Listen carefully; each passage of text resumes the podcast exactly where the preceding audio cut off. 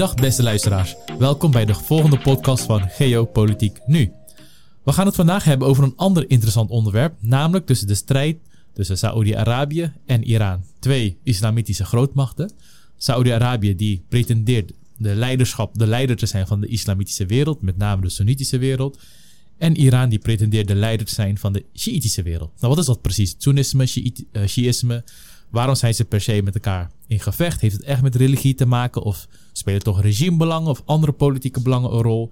En wat zijn de recente ontwikkelingen? Dus Amerika heeft. Het is bekend dat Amerika een grote rol speelt in het Midden-Oosten. We hebben recentelijk gezien dat China ook probeert een grote rol te spelen in het Midden-Oosten. Nou, hoe ziet dat precies allemaal uit? Uh, ja, dat is heel interessant wat er allemaal speelt in het Midden-Oosten, in dat kant van Azië en in die kant van de wereld. Voordat we daar verder op in willen gaan, uh, ook nogmaals bedankt dat jullie de podcast luisteren op uh, YouTube of op Podimo, Spotify. Een kleine brutale vraag, verzoek aan jullie is als jullie dit leuk vinden en jullie willen graag hebben dat wij dit voortzetten, zou het ons heel erg helpen als jullie ja, een goede review achterlaten. Dus geef gewoon de volle 5 sterren. En ja, voor ons, voor het algoritme, helpt het heel erg om door te groeien, extra volgers te krijgen en eigenlijk door te kunnen gaan met het creëren van dit soort hele interessante geopolitieke content. Bij voortbaar dank. Michel, we gaan het dus hebben over Iran en Saudi-Arabië. Even heel kort, het is een heel groot vraagstuk, best wel een complex vraagstuk. Maar waar gaat het eigenlijk om? Het gaat om de rivaliteit tussen mhm. twee grootmachten in het Midden-Oosten. En deze twee grootmachten hebben heel grote belangen. En dit conflict, potentiële conflict, heeft ook heel veel grote gevolgen voor de wereldorde. En met name in de geschiedenis hebben we dat teruggezien, omdat er grote olie- en gasreserves gevonden zijn en dat er bepaalde belangrijke zeeroutes aanwezig zijn. Nou, deze twee islamitische broeders, zou je bijna kunnen noemen, zijn met elkaar in conflict geraakt. Met name sinds 79, nadat de Iraanse revolutie plaatsvond. Maar ook daarvoor al waren er best wel wat strubbelingen in de bilaterale relaties tussen beide landen. Oké, dankjewel. Nou, daar gaan we dus verder op in. Voor jullie luisteraars, ik ga een korte inhoudsopgave doen. We gaan het vandaag hebben over ja, de relatie tussen Iran en Saudi-Arabië. Over het verdrag dat uh, afgelopen week is gesloten en waarom China daar een rol in uh, speelt en meer in wilt spelen. We gaan het ook hebben over de mogelijke afnemende rol van de Verenigde Staten in het Midden-Oosten. Betekent nou echt dat de Verenigde Staten zwakker is of speelt er iets anders? Is er iets anders aan de hand? Uh, en over de nieuwe rol van China in het Midden-Oosten. En we gaan het ook hebben over kijken in hoeverre de regimebelangen hierbij een rol spelen van Saoedi-Arabië en het Midden-Oosten en hoe zij hiernaar kijken. Dat China steeds meer een prominentere rol wil spelen en de Verenigde Staten minder. En ook wat de mogelijke andere Aziatische machten, namelijk Rusland en India, hoe zij hiernaar kijken. En mogelijk wat zij zullen doen in het Midden-Oosten. Want ja, ik neem aan dat ook zij hun belangen hebben en ook ruimte zien om daar door te groeien. We zeggen het altijd, je kan het zien als een grote boom. Dat wordt omge omgekapt. Nou, de struiken daaronder, ja, die zien hun kans vrij om eindelijk te groeien. Gebruik te maken van de zonlicht. Nou, hoe zal dat precies gaan de komende jaren? Ja, in het volgende podcast zullen we wat meer, iets meer ingaan op de demografie, de cultuur en met name ook de geschiedenis van beide landen. Want de geschiedenis van beide landen zijn, is heel interessant. Net als een soort Game of Thrones, House of Cards spel. En het is naar onze mening ook belangrijk om eigenlijk de huidige situatie beter te begrijpen. Dat je ook weet van wat heeft er allemaal in het geschiedenis plaatsgevonden. En in hoeverre zie je beslissingen die al 100 of misschien zelfs 200 jaar geleden zijn genomen. In hoeverre zie je dat nu al terug in het huidige politiek schaakspel. En ook het meer hebben over hoe de EU hier, en met daarin natuurlijk Nederland, hierop zou moeten kunnen reageren. Nou, laten we dan beginnen bij het podcast van vandaag. Uh, we hebben het kort al gehad over het verdrag dat tussen Iran en Saoedi-Arabië is gesloten. Wat is het voor verdrag en wat zit er allemaal in het verdrag? Waarom is het best wel groot nieuws? Het is heel groot nieuws omdat dit twee aardsvijanden zijn. Iran en Saudi-Arabië staan al heel lang op gespannen voet met elkaar. En zij hebben echt al heel vaak grote woorden over elkaar gesproken. Een paar voorbeeldjes daarvan zijn. Ik denk dat de luisteraar dan wel een soort beeld krijgt hoe beide leiders over elkaar denken. Is dat bijvoorbeeld ja, de Ayatollah van Iran die heeft de Saoedi's leiderschap, de koninklijke familie, beschreven als sinful idols of arrogance and colonialism, as idiots and milk cows for the Americans, hm. heartless and murderous. Betekent dus dat de Ayatollah van Iran Khamenei ze beschreven als zondigen, als arrogant, als slaven van de Amerikanen en vooral ook als moordenaars. Nou ja, daar kon uh, de, de, de kroonprins van uh, Saudi-Arabië, Mohammed bin Salman, natuurlijk wel iets tegenover zeggen. Die heeft namelijk Khamenei als de Hitler van het Midden-Oosten beschre beschreven. En dat hij probeert de hele wereld te veroveren. Nou, dit geeft dus al aan, dit, zijn, dit is niet een broederliefde die, die beide landen altijd hebben gehad. Maar toch hebben ze een verdrag met elkaar gesloten, ondanks de rivaliteit in het Midden-Oosten en de grote geopolitieke competitie. En wat is er nou zo bijzonder aan dit verdrag?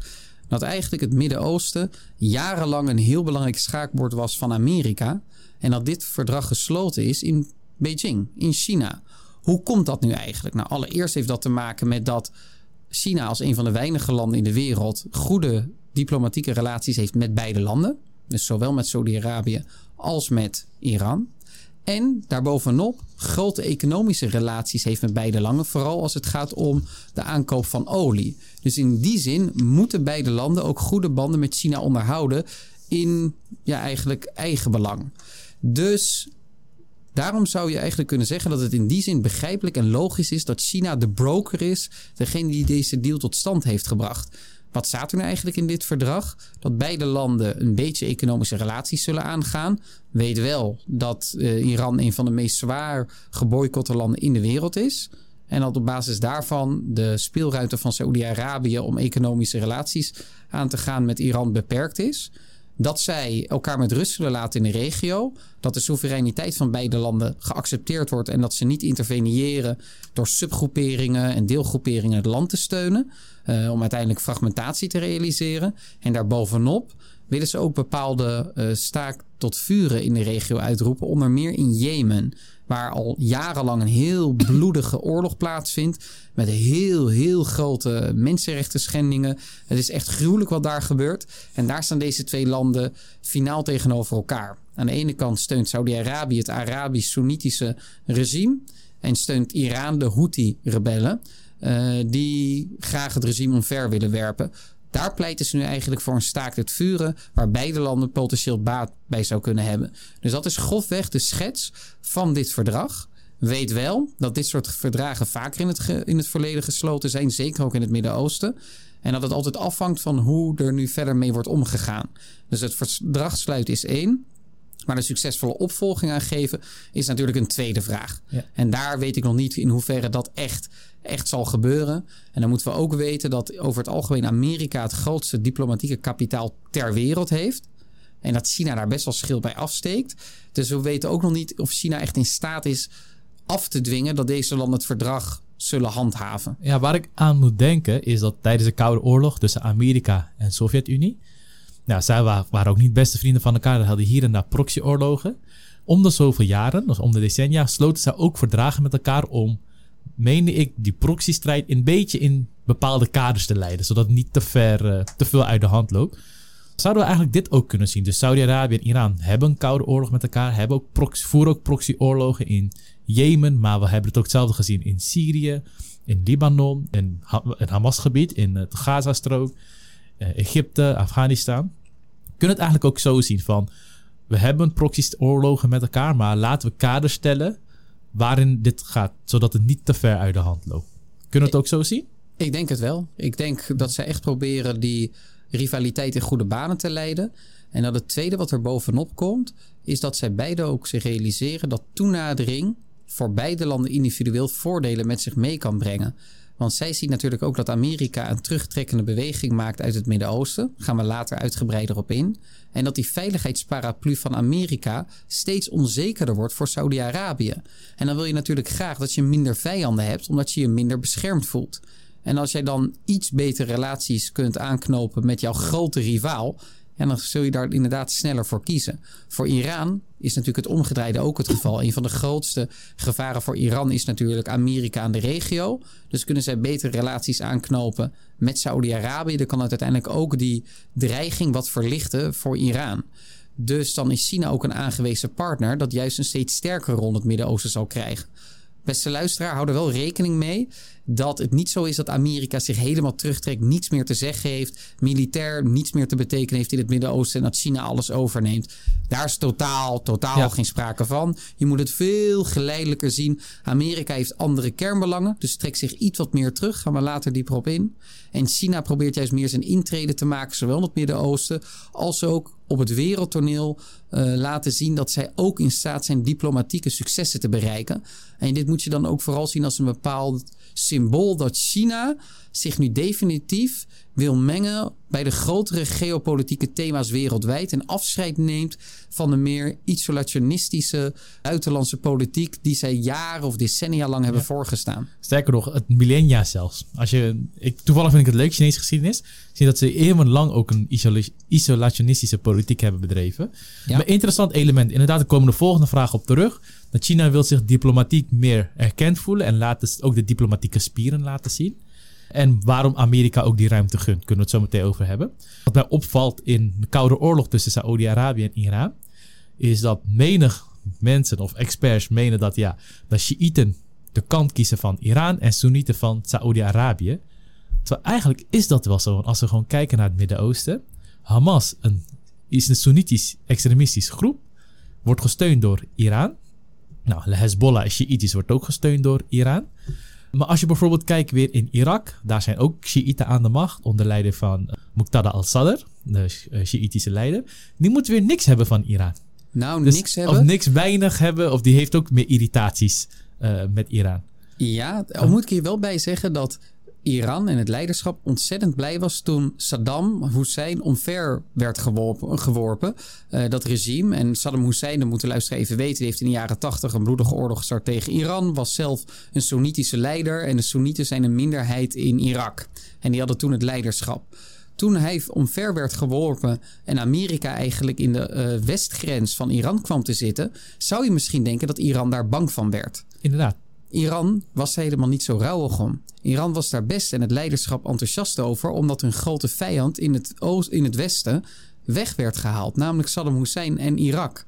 En dat werd meer ontmanteld. Daarnaast was de Amerikaanse politiek daar niet heel erg succesvol en konden zij hierdoor juist intrede maken in Irak.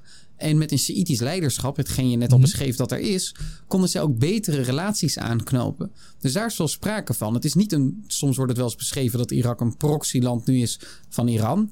Daar is geen sprake van. Maar dat zij betere relaties hebben met het Sjiitisch leiderschap, daar is wel sprake van. Oké, daar is dus wel enigszins sprake van.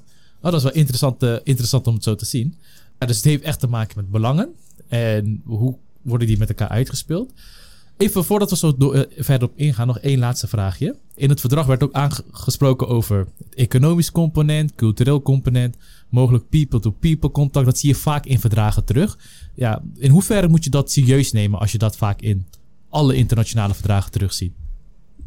Zelf neem ik dat niet extreem serieus, om heel eerlijk te zijn. Ik denk dat het vooral gaat om dat je elkaar met rust laat. Dus dat Saudi-Arabië niet interveneert in Iran zelf en vice versa. En verder dat het gaat om in goede banenlijnen van die proxyoorlogjes. Ik denk dat dat het belangrijkste is om hieruit mee te nemen. Alle andere dingen zijn inderdaad zaken die op de lange termijn tot iets moois kunnen leiden. Maar op dit moment zie ik daar de grote relevantie niet direct van in. Dat is een beetje een kers op de taart, mooie verpakking eromheen. Ja, ik denk dat we hebben het eerder wel eens gehad over dat bepaalde belangen af en toe een identitaire rechtvaardiging nodig hebben. Een soort menselijke mooiheidsschijn. Nou, daar is hier denk ik ook sprake van. Ja, precies. Nou, ik denk, ik denk er hetzelfde over. Nou, dan gaat het hebben over het volgende heel interessant punt. Namelijk, wordt de VS zwakker? Veel mensen denken, ja, ze zijn... Ze zeggen zelfs, ze zijn uit Irak gegooid. Ze zijn uit Afghanistan gegooid. In Syrië hebben ze niet gewonnen. In Jemen krijgen ze geen voet aan de grond velen mede dat de Verenigde Staten zwakker wordt in het Midden-Oosten. En dat eigenlijk China sterker wordt in de wereld en daardoor ook in het Midden-Oosten. En eigenlijk de rol van Amerika hierdoor overneemt of misschien zelfs afpakt van de Verenigde Staten. Hoe zit dat precies? Worden de Verenigde Staten ook zwakker? Verklaart dat ook waarom ze uit Irak weg zijn, Afghanistan? Misschien ook de rest van het Midden-Oosten. Waarom Mohammed, de kroonprins Mohammed bin Salman, ook in het publiek steeds meer licht kritische geluid tegen de Verenigde Staten durft te geven. En tegen de plannen of de wensen van de VS durft in te gaan. En hoe kijk jij daar nou over? ergens is het waar. De voetafdruk, de geopolitieke voetafdruk van de Verenigde Staten neemt af in het Midden-Oosten. Daar is ontegenzeggelijk sprake van. Maar laten we inzoomen op het waarom. Want ik denk dat daar de antwoord, het antwoord ligt op de vraag of dat komt door zwakte of niet. En dan is mijn lezing van de zaak dat het niet zozeer komt door de zwakte van Amerika, dat niet meer in staat zou zijn om een grote presentie in het Midden-Oosten te financieren. Daar geloof ik niet zo in. Ik denk dat het eerder te maken heeft met het feit dat er kernbelangen zijn die op een andere manier behartigd kunnen worden. En dan gaat het vooral om toevoer van gas en vooral ook olie. Dat heeft Amerika door de schalierevolutie, die we uitgebreid hebben besproken in de, energiepodcast, van hoe Amerika de wereld en de energiewereld domineert. Sterker nog, we hadden ook een lijst en we zeiden het Amerikaans buitenlands beleid kan je koppelen aan de olieproductielijst, binnenlandse productie. Ja, ja, ja, dus daar hebben we heel duidelijk, zijn we daar dieper op ingegaan. En sinds de schalieolie en schaliegasrevolutie in de Verenigde Staten was de noodzaak om je echt te begeven op Midden-Oosten grondgebied gewoon wat kleiner. Is er nog wel, natuurlijk, maar wel wat kleiner. Op basis daarvan is denk ik ook de veiligheidsparaplu van Amerika steeds onzeker geworden in de lucht van Saoedi-Arabië.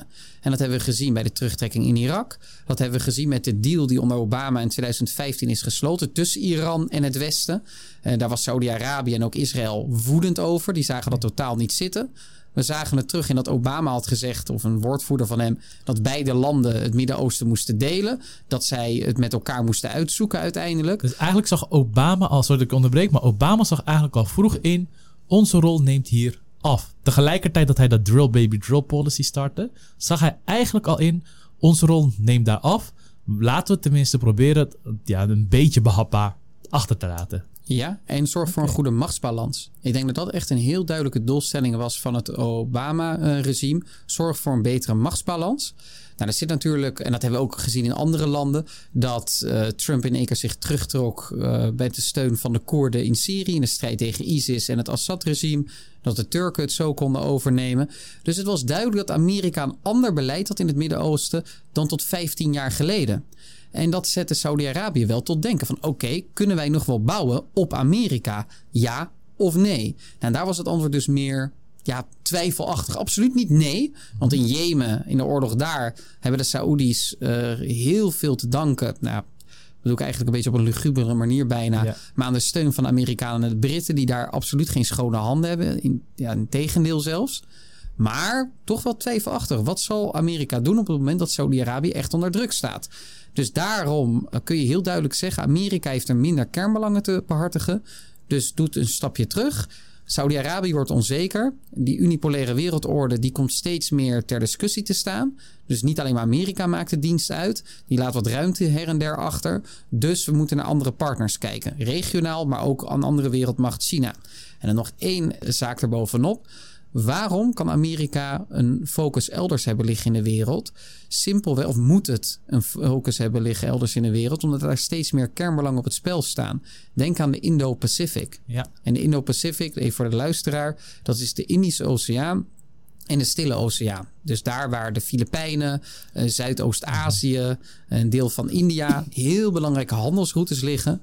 En waar steeds meer economische activiteit plaatsvindt. Het grootste deel van de wereld woont daar. Dus de belangen van Amerika liggen steeds meer daar dan in het Ja, want daar woont de helft van de wereldbevolking in dat gebied. Precies. En dat is ook overigens onder Obama gestart. De Shift to East policy. Dus dat zag hij ook uh, ja, mooi in. Overigens ook voor mij interessant. Want in die tijd dacht ik, waarom doet hij dit? Waarom doet hij dit? Maar nu begint steeds meer ook bij mij in te zinken. Zou het misschien ook verklaren, interessant, waarom de Arabische, Soenitische Arabische landen en Israël meer eerder bereid zijn om nu ook met Israël akkoorden te sluiten? Uh, vanwege het weg, ja, weg, meer, steeds meer weggaande Amerikaanse steun. Natuurlijk. Ja, ja, absoluut. Je gaat steeds meer proberen op bilaterale basis met andere landen samen te werken. En dat is ook misschien ook wel fijn voor die landen, omdat ze dan een onafhankelijker buitenlands beleid kunnen hebben. Want dat moeten we wel zeggen, uh, stellen, en dat zei je net eigenlijk ook al dat Saudi-Arabië en de kroonprins Mohammed bin Salman probeert een steeds onafhankelijker buitenlands beleid te voeren. En dat heeft natuurlijk hiermee te maken. Die ruimte wordt hem ook ten dele gegeven door Amerika. Heeft ook onder meer te maken met dat, dat er best wel veel kritiek is intern in Amerika. Omdat het zo hecht was met Saudi-Arabië, een land dat permanent mensenrechten schendt. Sterker nog, de helft van de bevolking moet thuis zitten met een voogd, namelijk de vrouwen. Nou, dat is natuurlijk niet iets wat je echt kunt verkopen aan het land dat staat voor vrijheid, democratie en mensenrechten. Ik begrijp het, ja. We gaan ook in het volgende podcast in meer op de geschiedenis. Maar dan zie je ook dat Amerikaans en Saoedisch vriendschap, dus tussen de regimes, echt ontstaat vanaf de jaren, eind jaren 30, wanneer de olie wordt ontdekt. Maar ja, nu neemt het steeds meer en meer, uh, meer af. Nou, dus je geeft aan dat Amerika eigenlijk de ruimte geeft voor aan de regionale partners daar om een meer onafhankelijke koers te voeren, omdat de kernbelangen van Amerika steeds minder en minder worden. Natuurlijk gaat niet op de een op de andere dag, maar het is een geleidelijk proces. En in datzelfde, tegelijkertijd zie je ook dat daarom de Arabische en landen en Israël misschien bij elkaar komen. De Saudi-Arabië en Iran misschien wat meer bij elkaar, een meer onafhankelijke koers varen. Je ziet ook dat Saudi-Arabië, met name Bin Salman, nog steeds gesprekken openhoudt ook met Poetin. Zagen we ook al voor dat uh, Rusland Oekraïne binnenviel, dat ze ook steeds meer hechten werden. Dus die ruimte wordt er gegeven. Zeker. En dan heb ik eigenlijk ook een vraag voor jou. Mhm. We zien dus dat Amerika zich op basis van eigen wil en kernbelangen wat terugtrekt. Hoe denk je dat China hierop inspeelt? En welke gevolgen dit heeft? Nou, ik denk dat. Kijk, voor China is het economie. Ze moeten hun economische positie staande houden. We hebben al, ik, denk, ik weet niet, bijna in elke podcast zeggen wij: economie is eigenlijk niks anders dan energie en werk/slash ondernemerschap. Nou, werk-ondernemerschap, dat is iets wat je, ja, waar je zelf heel veel invloed op hebt. Dat, dat kunnen de Chinezen wel regelen, dat hebben ze laten zien. Maar energie, ze zijn, dacht ik, voor 80 of misschien zelfs 90 procent van hun energie, 90 plus procent, afhankelijk van import. En met name ook uit het Midden-Oosten. Dus zij zien ook in dat zij hebben een stabiel Midden-Oosten nodig voor hun energietoevoer. Eigenlijk hetzelfde wat Amerika wat meer vroeger had voordat zij de schalie- en olie, uh, schaliegas en schalieolie-revolutie hadden, waren wij, het Westen, Europa en Amerika, heel sterk afhankelijk van energie van het Midden-Oosten. Nou, we worden daar wel iets onafhankelijker in geleidelijk aan, maar China nog niet. Dus ik denk dat zij daarom ook, los van dat ze hun diplomatieke spierballen willen laten zien, misschien willen dat ze het ook kunnen, ook meer de noodzaak voelen van jongens, wij moeten wel echt zorgen voor vrede. Want wij hebben gewoon energie nodig voor onze eigen geopolitieke spelletjes. Zeker. En dat is ook wel interessant om te benoemen eigenlijk dat China een van de weinige afnemers is van Iraanse olie. Ja, inderdaad. Een van de weinige afnemers. En ik denk ook nog steeds een mega afnemer van het Saoedische olie. Ja, ik had steeds groter ook. Ja, ik had sterker nog, ik had een, vandaag net ter voorbereiding hiervan een grafiek of een kaartgrafiek erbij gehaald. En daarbij zag ik dat China al de grootste olie-importeur is, ook van Saoedi-Arabië. Dus daar zie je, en ook de grootste exporteur en importeur van Saoedi-Arabië. Dus daar zie je dat de belangen steeds ja, groter en groter worden. Dus ik denk dat. Die, uh, die spagaat die je nu eigenlijk schetst, die is heel interessant. Die zie je in de wereld steeds meer terug. Vooral als het dichter bij China is. Dat heel veel landen daar onder de veiligheidsparaplu van Amerika vallen, militair gezien. Maar dat die landen doorgaans veel betere en grotere economische banden hebben met China. Ja, en dat is heel interessant om te zien. Maar ik denk dat het ook in de lijn past met dat het gradueel van aard gaat. Ik denk, gaat Saoedi-Arabië op dezelfde tempo door, dat de kans groot is dat op een gegeven moment ook de veiligheidsparaplu wegvalt. Want ja, uit, vanuit een Amerikaans perspectief kan ik heel goed begrijpen waarom ga je een land beschermen met je eigen soldaten, eigen wapens, eigen budgetten, als het ja, zodanig in de invloedssfeer van China zit. Een wat beetje wat je met Pakistan nu ziet. Ja? Waar zou je een doorbraakmoment verwachten? Dat Amerika echt die veiligheidsparaplu nou, echt volledig terugtrekt. Wat is het moment? Nou, interessant is wat we afgelopen maanden zien. Precies het datum ben ik helaas kwijt. Maar dat was bij de OPEC-deal. Blinken, Biden wilde graag dat OPEC de productie zou verhogen. Om zo de olieprijs te verlagen. Eh, in, de, in het zicht van de midterms election in Amerika en de economie in Amerika. Nou, wat had Saudi-Arabië gedaan? Die heeft vaak de uh, leiderschapsrol in OPEC. Die heeft de olieproductie juist verlaagd. Om de olieprijs te verhogen. Nou, en daar zag je al, er waren geruchten dat Biden en Blinken daar nou, geïrriteerd slash woedend om waren. En dat niet Blinken zelf, zo gaat het. Ze laten dan een woordvoerder spreken. Die had aangegeven, als Saoedi-Arabië dat graag wil, kunnen ze ook een ander veiligheidspartner kiezen. Nou, dat is een beetje een lichte waarschuwing van dit is echt de gele kaart. Doe dit niet nog een keer. Ja, en dan staat dan ook daarbovenop nog eens vanuit Saoedi's perspectief dat Saudi-Arabië al meermaals heeft laten vallen, ook hogere functionarissen, dat ze olie ook best in andere munteenheden, valuta's kunnen, uh, kunnen handelen. Bijvoorbeeld in renminbi van China of in roebels. Ja, inderdaad. Dus daar zijn ze ook, ook van India toevallig. Weet ik ook dat ze daar al gesprekken gaande zijn om het in roepie en Saoedi's. Ik weet niet wat hun geld is. En dat zou de dominante positie van de dollar in Amerika in het economische systeem ook heel, heel sterk onder druk zetten. Saudi-Arabië heeft een gele kaart gekregen van Amerika. Van doe het, doe het niet meer bij die olieproductieverlagingen als we duidelijk onze wensen laten zien. Je ziet dat Saudi-Arabië steeds meer zit te flirten om hun olie in andere valuta te verhandelen. Ik denk als Saudi-Arabië doorgaat, dat ze wel een rode kaart kunnen krijgen. Iets wat ik overigens niet heel snel zie gebeuren, in ieder geval de komende tien jaar niet. Je weet nooit hoe het zal gaan. Omdat Saudi-Arabië of Amerika heeft nog steeds een dermate belang in het Midden-Oosten en ook met de valuta of met de petrodollar speelt nog steeds een grote rol. En ook de handelsroutes. En ook de handelsroutes en ook de Saoedische elite die heel veel beleggingen heeft in Europa, in Amerika. De kinderen studeren allemaal in Amerika. Ehm, dus ik zie dat niet heel snel gebeuren, maar ze hebben wel al een gele kaart. Dus Oké, en er kan altijd uiteindelijk een tweede gele kaart volgen. En als we dan in voetbaltermen blijven, is dat een rode kaart. Veiligheidsparaplu kan dan potentieel, kans is niet groot wat je net schetste, kan dan potentieel worden weggetrokken boven Saoedi-Arabië. Kan China dat gat opvullen dat Amerika misschien achterlaat? China kan dat nu en ik meen ook de komende, in ieder geval de komende decennia, niet opvullen. Want Waarom je moet, niet? Je moet je voorstellen. Ten eerste, we praten over het leveren van een veiligheidsparaplu een halve wereld verder. Daarvoor heb je echt een dermate logistieke of een militair logistiek infrastructuur voor nodig. Dat je een halve wereld verder voor veiligheid kan leveren. Tot nu toe is alleen Amerika in, daartoe in staat. Je hebt lokale contacten nodig. Je leger heeft een ervaring daarin nodig. Je hebt best wel een aantal grote marine. Floten heb je daarvoor nodig met meerdere aircraft carriers. Ja, dat heeft China nog niet. China is daar ook nog niet toe in staat. En ook qua budget hebben ze die hoogtes ook niet bereikt.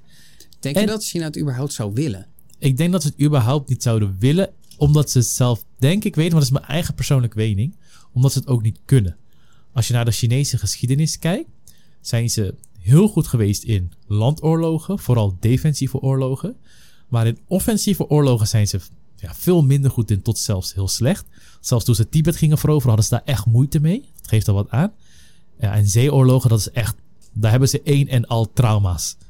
Ja, en dan moet je voorstellen dat, dat een, hal, een zeeoorlog, want dat is het wat het is, een veiligheidsparaplu, een halve wereld verder, is eigenlijk een zeeoorlog.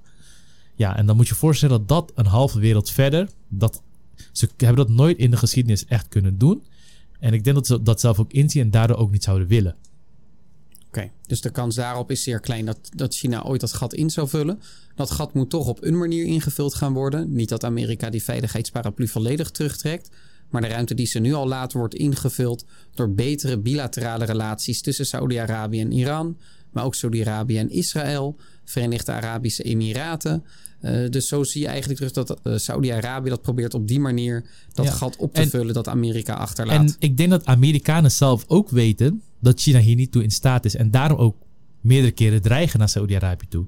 En dat het Saoedische Koningshuis ook weet dat China het veiligheidsparaplu niet kan overnemen van de Verenigde Staten. Dus je ziet ook hier dat Mohammed bin Salman een beetje zit, ja, de grens zit op te zoeken tot waar kan ik gaan. Oké, hij zoekt de grenzen op.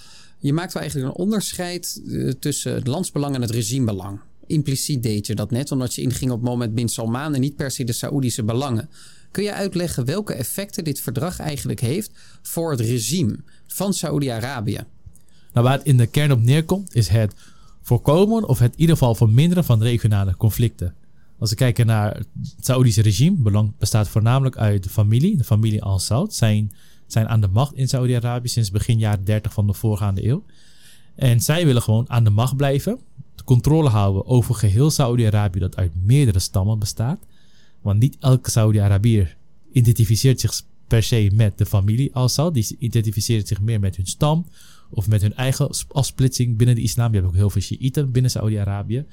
Nou, Saudi-Arabië, of met name de familie, wil gewoon controle houden over Saudi-Arabië. Nou, het helpt dan als je dan minder regionale conflicten hebt. Dat je in ieder geval niet constant de aandacht hoeft ja, af te leiden elders. En hoe denk jij erover? En met name, wat voor effect heeft dit verdrag voor het regimebelang van Iran? Minder hoofdpijn. in de regio. Ik denk dat daar de kern op neerkomt. Minder hoofdpijn, meer ademruimte. Want je hoeft je minder zorgen te maken om de grote rivaal die vlakbij je ligt. Natuurlijk, het is geen directe landsgrens, maar ze liggen wel erg dicht bij elkaar. Dus op het moment dat jij je niet meer bezig hoeft te houden, zoveel, zoveel angst hoeft te hebben voor een aanval, voor een militair conflict, dan kun je je aandacht elders neerleggen. En dat is zeker in het belang van Iran, waar we natuurlijk de afgelopen maanden grote protesten hebben gezien. En dat het regime ook echt onder heel grote druk staat om te veranderen.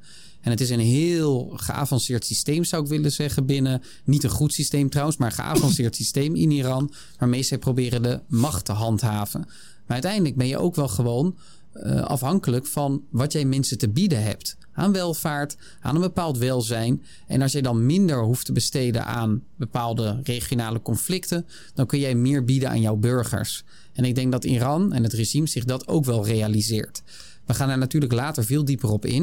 En wij proberen ons daarmee ook veel meer te onderscheiden van andere podcasts, waar landen wel als een soort unitaire actor, als een eenheid worden beschreven.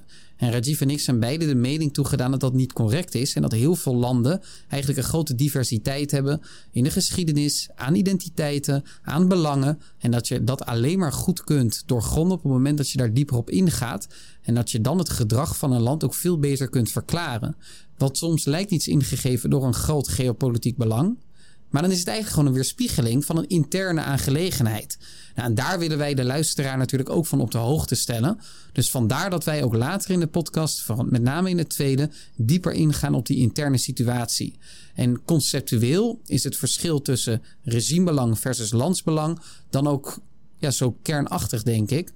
En kun je daar uh, heel diep op ingaan en heel mooi duiden wat het verschil tussen beide is. En neem je afstand van dat landen een unitaire actor zijn. Ja, en in dit geval is het dus minder conflict in de regio. Dan kun je je aandacht op andere geopolitieke zaken neerleggen en ook intern. Oké, nou je landsbelang, regimebelang is inderdaad echt de rubriek, rubriek van ons, als we het mogen claimen. Ook onderstromen, bovenstromen ook, ja, wat is het landsbelang? Is er wel één landsbelang of heb je verschillende stromingen, een boven- en een onderstroom? Ik denk inderdaad vooral met deze twee pilaren dat je al in ieder geval een groot deel, een voldoende, ruim voldoende deel kan, echt goed kan bevatten van eigenlijk heel veel geopolitieke onderwerpen. Even naar een ander interessant punt. Nou, we zien dus dat de Verenigde Staten steeds meer geleidelijk aan het aandacht begint af te werpen. Met name op wat meer naar, op Azië te richten. We zien dat China probeert de, ja, deze ruimte in te vullen, een beetje de diplomatieke spieren te laten zien. Maar er zijn ook andere Aziatische machten. We hebben Rusland en ook India, waarvan velen menen dat die over 10, 20 jaar best wel een nog grotere belangrijke rol zal spelen. In ieder geval in de regio. Zuidoost-Azië, maar ook in West-Azië, het huidige Midden-Oosten.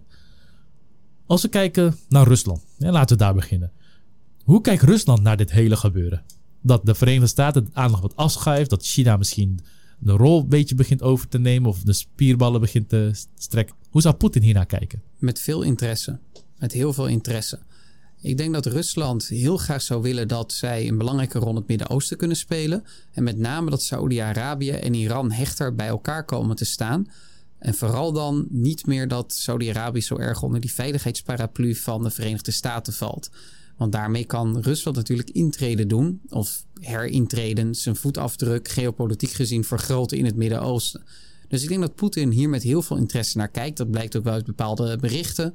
Het is ook niet voor niets dat hij al direct steun heeft uitgesproken voor dit verdrag.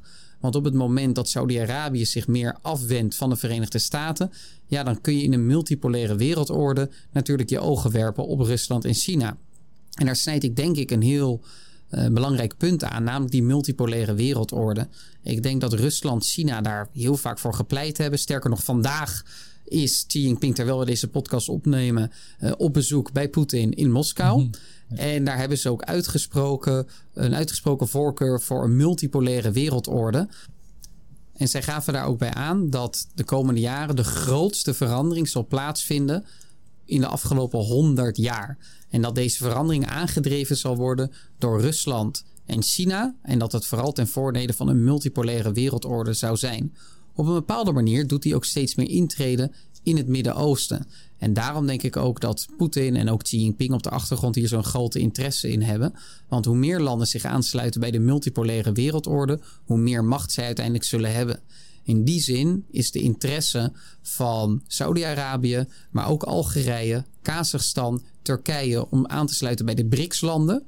Uh, ook een begrijpelijke, want dat zijn allemaal voorstanders van een multipolaire wereldorde. Dus een wereldorde die niet gebaseerd is op per se op recht of op Amerikaanse belangen of op het IMF, de Wereldbank en ga zo maar door. Maar vooral op laat mij met rust en laat mij de baas zijn in mijn eigen land. En in mijn eigen regio ben ik de baas. Ik respecteer jouw invloedssfeer als jij mijn invloedssfeer respecteert. Oké, het interessante is, is dat Saudi-Arabië steeds meer wil opteren voor een eigen onafhankelijker buitenlands beleid. Maar tegelijkertijd zijn ze zo gebrand op het eigenlijk behouden van de Amerikaanse veiligheidsparaplu. Want die twee gaan denk ik niet zo goed samen. Van je wilt wel Amerikaans veiligheidsparaplu, tegelijkertijd wil je een zo groot mogelijk onafhankelijk buitenlands beleid. Ja, ik denk dat het een ook uit het ander komt ten dele. Natuurlijk wil je meer onafhankelijkheid, maar je wil ook meer veiligheid. En daar zit denk ik altijd in een bipolaire of unipolaire wereldorde een spanningsveld in. Dus ik denk dat het ook voortkomt dat zij die onafhankelijke politiek willen voeren, buitenlandse politiek, omdat zij weten dat Amerika zich daar iets wat meer terugtrekt. En zeker onder Obama is dat gebeurd, dat Saudi-Arabië echt dacht van wat, wat gebeurt er nu? En dat zij heel onzeker daarvan werden. Van daaruit komt denk ik ook dat streven naar die multipolaire wereldorde voort. Misschien hadden ze die al gehad, maar die is wel extra versterkt door de uh, terugtrekkende Amerikaanse veiligheidsparaplu. Ik heb dan. En, dan, en dan nog, nog één ding erbovenop over die bilaterale relaties tussen Saudi-Arabië en Rusland. OPEC Plus. OPEC Plus, dat is het uh, oliekartel. Dat bepaalt hoeveel olie er wereldwijd geproduceerd wordt in de OPEC Plus landen. De plus staat eigenlijk voor Rusland plus wat, wat aanhang. Laat ik het daarmee even op houden. Daar waren Saudi-Arabië en Rusland tot en met maart uh, of april 2020 vaak in conflict. En hielden zich nauwelijks aan de afspraken. Daar heeft zich een grote kentering voor gedaan. En daar zag je dus al terug dat beide landen toenadering zochten om de olieproductie voor de wereld te dicteren en daarmee de prijzen. En daarmee werd Saudi-Arabië steeds hechter met Rusland en wat minder hecht met Amerika. Dus dat was een teken aan de wand. Ze hebben daar parallel lopende belangen. En nog een tweede ding, wat Saudi-Arabië dichter bij Rusland gebracht heeft. Toen Khashoggi in Turkije werd vermoord door de Saudische veiligheidsdiensten. En dat het gehele Westen, inclusief Canada, Amerika, Europa, eigenlijk Saudi-Arabië heeft geprobeerd te isoleren. En de kroonprins Mohammed bin Salman duidelijk te maken dat dit niet de bedoeling is en dat hij misschien zou moeten aftreden of niet koning zou moeten worden uiteindelijk. En dat Poetin Mohammed bin Salman een knuffel gaf. Bij een bijeenkomst van de VN was het, geloof ik. Dus ook daar zag je al dat Saudi-Arabië zich op dat moment na die moord geïsoleerd voelde van het Westen en dacht: wat moet ik nu? En toen was daar de warme knuffel van Vladimir Poetin. Een letterlijke knuffel. Een letterlijke knuffel, fysieke knuffel. Maar dat was van land tot land, op land, van land tot land natuurlijk ook wel duidelijk. En dan ben ik nu eigenlijk ook wel benieuwd. Hoe moet ik India en Saudi-Arabië en ook Iran zien? Ja, naar dit verdrag, hoe India naar kijkt. Ik denk dat India ook met heel veel, hetzelfde met heel veel interesse en ook met een deel blijdschap naar dit verdrag kijkt. Waarom? India, de relatie tussen India en Saudi-Arabië is de laatste tijd heel sterk verbeterd. India heeft ook net als China voor een heel groot deel voor zijn energie afhankelijk van import van ja, olie uit het Midden-Oosten, olie en gas uit het Midden-Oosten. En ze halen heel veel olie uit Saudi-Arabië. En ze hebben daar op basis van die olieinkomsten ook hun partnerschap en hun relatie opgebouwd, dat ook steeds beter en beter wordt. Tegelijkertijd heeft India, ook als een van de weinige staten in de wereld, ook olie geïmporteerd uit Iran. Net als, Rus net als China zijn ze in staat gebleken om de sancties deels te ontlopen. En ook olie te blijven importeren uit Iran. En dat doen ze nog steeds. En ook Iran en India hebben op dat opzicht een, ja, een vriendschap wil ik het niet noemen, maar een, uh, ja, een zakendeal. Zo kan je het eerder noemen. Is het ook niet zo dat India recentelijk een verdrag heeft afgesloten? Een soort investeringsverdrag voor aan de westkust van Iran om daar olieraffinaderijen te bouwen? Ja, de Chabahar Port. Sorry als ik het niet zo goed uitspreek, maar zo heet die haven daar, de Chabahar Port. Want ook China heeft in Pakistan ook weer een ander haven gebouwd, het Gwadar Port. Nou, het is hetzelfde verhaal. India wil namelijk toegang tot Centraal-Azië. Nou, helaas voor India zit daar Pakistan in de weg.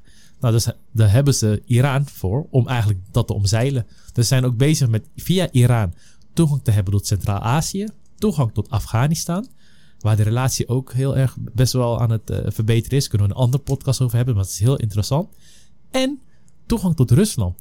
India, uh, Iran en Rusland hebben een deal gesloten en best wel tientallen miljarden geïnvesteerd in een infrastructuurproject dat Rusland via Iran met India direct verbindt. Om zo westers, westerse sancties te kunnen omzeilen. Nou, dus je ziet, India heeft goede, steeds betere banden met Iran, goede banden met Saudi-Arabië. En zij zien denk ik het liefst ook dat die twee, ja, in ieder geval niet bevriend worden, maar wat op better terms met elkaar komen. Zodat ook in, voor India de energiebelangen wat meer veilig zijn gesteld. Helder. Dus ook van, vanuit India zie je toch die voorkeur voor een multipolaire wereldorde terug. Uh, dat is meer ideologisch van aard, zou je kunnen zeggen. Maar dat er ook duidelijke veiligheids- en energiebelangen op het spel staan. En dat de Indiaanse economische groei onder druk kan komen te staan op het moment dat Saudi-Arabië en Iran met elkaar in conflict geraken. Ja, dus dat wil India voorkomen. En daarom staan zij ook positief, positief tegenover dit verdrag. Inderdaad, dus uiteindelijk wil ook India zijn energiebelangen veiligstellen. Ik heb eigenlijk een interessante vraag ter afsluiting. Als het een beetje bekijken als een monopolie of risk of pak een ander leuk bordspel. Je zou ook kunnen zeggen als je toch al de machtigste bent in de wereld, wat Amerika is en vooral jaren 90, vele menen dat het hoogtepunt was, waarom zou je überhaupt de ruimte geven voor andere actoren om dat in te vullen? Je kan ook voor kiezen om, ook al kost het wat meer geld, meer aandacht, ja, noem het maar op, om die ruimte eigenlijk voor jezelf te behouden en ook tegelijkertijd te focussen op Azië. Waarom doet Amerika dat eigenlijk? In enige mate doet Amerika dat natuurlijk al, want ze hebben nog steeds heel grote veiligheidsbelangen en militaire aanwezigheid in het Midden-Oosten. Laten we daar heel helder over zijn. Ook in Saudi-Arabië. Saudi-Arabië is volstrekt afhankelijk van de Verenigde Staten in Jemen bijvoorbeeld en de Amerikaanse militaire steun. En ook heel veel Midden-Oosterse landen die verkopen, uh, kopen wapens van Amerika. Omdat Amerikaanse wapens de beste zijn en dat zij de grootste industriële capaciteit hebben. Dus ergens is daar al sprake van. Ik denk dat de marum zit. Waarom doe je dat niet zoals je dat altijd hebt gedaan? Omdat je altijd een bepaalde focus wilt aanbrengen op jouw kernbelangen. En ook al kun je dan secundaire of tertiaire of kwartiaire, dat zijn tweede, derde of vierde soortige belangen, ook behartigen. Dat je dan denkt: nee, hier ga ik te veel middelen voor opofferen. zonder dat ze een heel belangrijk doel voor mij realiseren. En ik denk dat Amerika die inschatting maakt, zo'n assessment gemaakt heeft. en dat ze daarom meer naar de Indo-Pacific gaan. Oké, dus, dus inderdaad gewoon kijken. We kunnen niet alles 100% voor gaan. Wat zijn de kernbelangen? En je gaat het daar een beetje op indelen. Ja. Oké. Ook het sluit ook mooi aan wat we in de voorgaande podcast hadden over de Amerikaanse wapenindustrie. Over hoe dat ook in elkaar zit. Dat ze ook daar ja, categorieën in hebben gemaakt. Welke wapens verkopen we aan, aan wie? En daarmee heeft Amerika dus al een heel sterke geopolitieke invloed elders in de wereld. Want Amerika verkoopt nog steeds voor honderden miljarden euro's of dollars aan wapens aan Saudi-Arabië. Daarmee behartigde dat al de eigen, niet alleen industriële en uh, wapenindustriebelangen, maar ook de geopolitieke belangen. Want je kunt daar natuurlijk wel voorwaarden aan stellen aan die verkoop. En dan kun je op een meer indirecte manier ook al je veiligheidsbelangen zeker stellen. En ik denk dat het voor de hele wereld inmiddels wel duidelijk is, en dat hebben we uitgebreid besproken, dat de Amerikaanse wapens echt superieur zijn aan vrijwel elk ander land in de wereld. En dat kun je natuurlijk ook instrumentaliseren zonder dat jij gelijk je eigen soldaten ergens in grote getalen hoeft neer te zetten. Is natuurlijk op veel plekken in de wereld nog steeds het geval. Amerika heeft 800 militaire bases buiten het eigen grondgebied.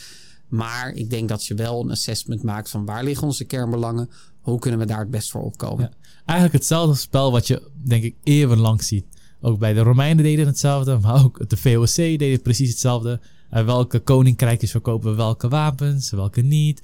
Waar gaan we echt een fort opzetten, zoals uh, Fort Elmina, noem het maar op. Dus wel grappig om te zien dat dezezelfde ja, spelletjes eigenlijk altijd wel terugkomen. Nou, beste luisteraars, dat was het voor deze keer, voor deze podcast. We zijn zojuist ingegaan op de meer globale wereldlijke impact van het verdrag tussen Saoedi-Arabië en Iran. We hebben ook verschillende grote wereldmachten besproken: Verenigde Staten, China, Rusland, India. Dus de verschillende landen in het Midden-Oosten. En dat is natuurlijk belangrijk om te begrijpen wat de geopolitiek speelt. Echter zijn we ook van mening om weer echt begrijpen hoe de relatie tussen Saoedi-Arabië en Iran in elkaar steekt en waarom het is zoals het nu is dat je eigenlijk ook wat meer naar de geschiedenis moet kijken. En vooral van deze landen, wat heel interessant van aard is. Nou, dat zullen we in de volgende podcast doen. Ik zou je willen aanraden om dat echt je te beluisteren. Het is een heel interessante, echt een Game of Thrones-achtige geschiedenis die beide landen hebben ervaren. En het verklaart eigenlijk heel veel waarom deze landen naar elkaar kijken zoals ze naar elkaar kijken.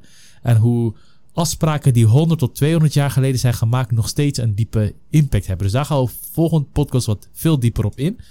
En natuurlijk ook wat, wat moet de EU doen? En met name Nederland. Hoe moeten wij hierop reageren? Is het voor ons van belang? Waarom wel en waarom niet? Als laatste wil ik nogmaals de brutale vraag op verzoek aan jullie stellen. Vond je dit een hele leuke podcast? Beluister het via Podimo, uh, Spotify, YouTube. Laat reviews achter, bij voorkeur de 5 sterren waar dat mogelijk is. Een uh, leuk bericht zou ook leuk zijn, leuk complimentje mocht je dat willen. En dan zien jullie terug bij de volgende podcast. En we hopen dat we jullie hebben geholpen om afscheid te nemen van jullie ongeïnformeerde zelf.